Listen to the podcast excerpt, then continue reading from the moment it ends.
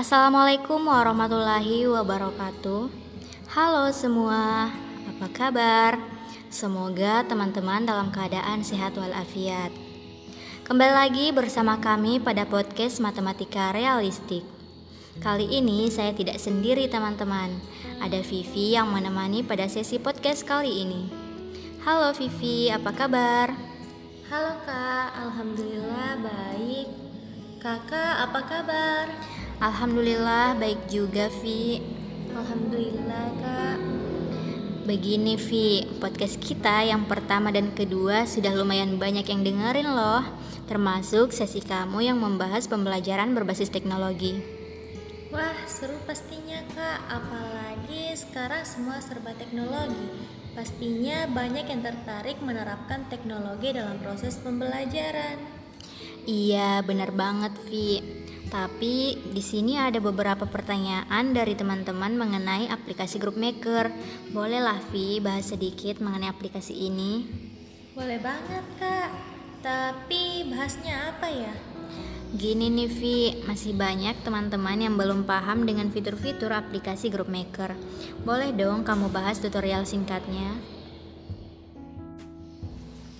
Oke kak, kalau gitu kita mulai saja ya. Dalam aplikasi Group Maker ada beberapa pilihan fitur, di antaranya yaitu fitur Base Group dan fitur Fast Group.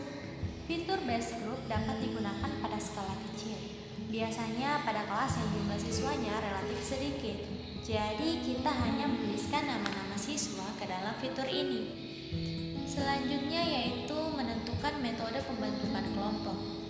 Di dalam fitur Base Group terdapat tiga metode, yaitu total group, total member, dan two members. Sebenarnya hal ini sudah saya jelaskan pada podcast sebelumnya, jadi silahkan teman-teman dengarkan kembali podcast kami. Namun di sini saya akan menjelaskan lebih rinci. Metode total group yaitu metode pembagian kelompok dengan menentukan jumlah kelompok yang akan dibentuk. Nama-nama siswa akan menyesuaikan dengan sendirinya pada masing-masing kelompok. Kemudian untuk metode kedua yaitu total members. Berbeda dari metode sebelumnya, proses pembentukan kelompok dengan metode ini justru ditentukan dari jumlah anggota yang diinginkan.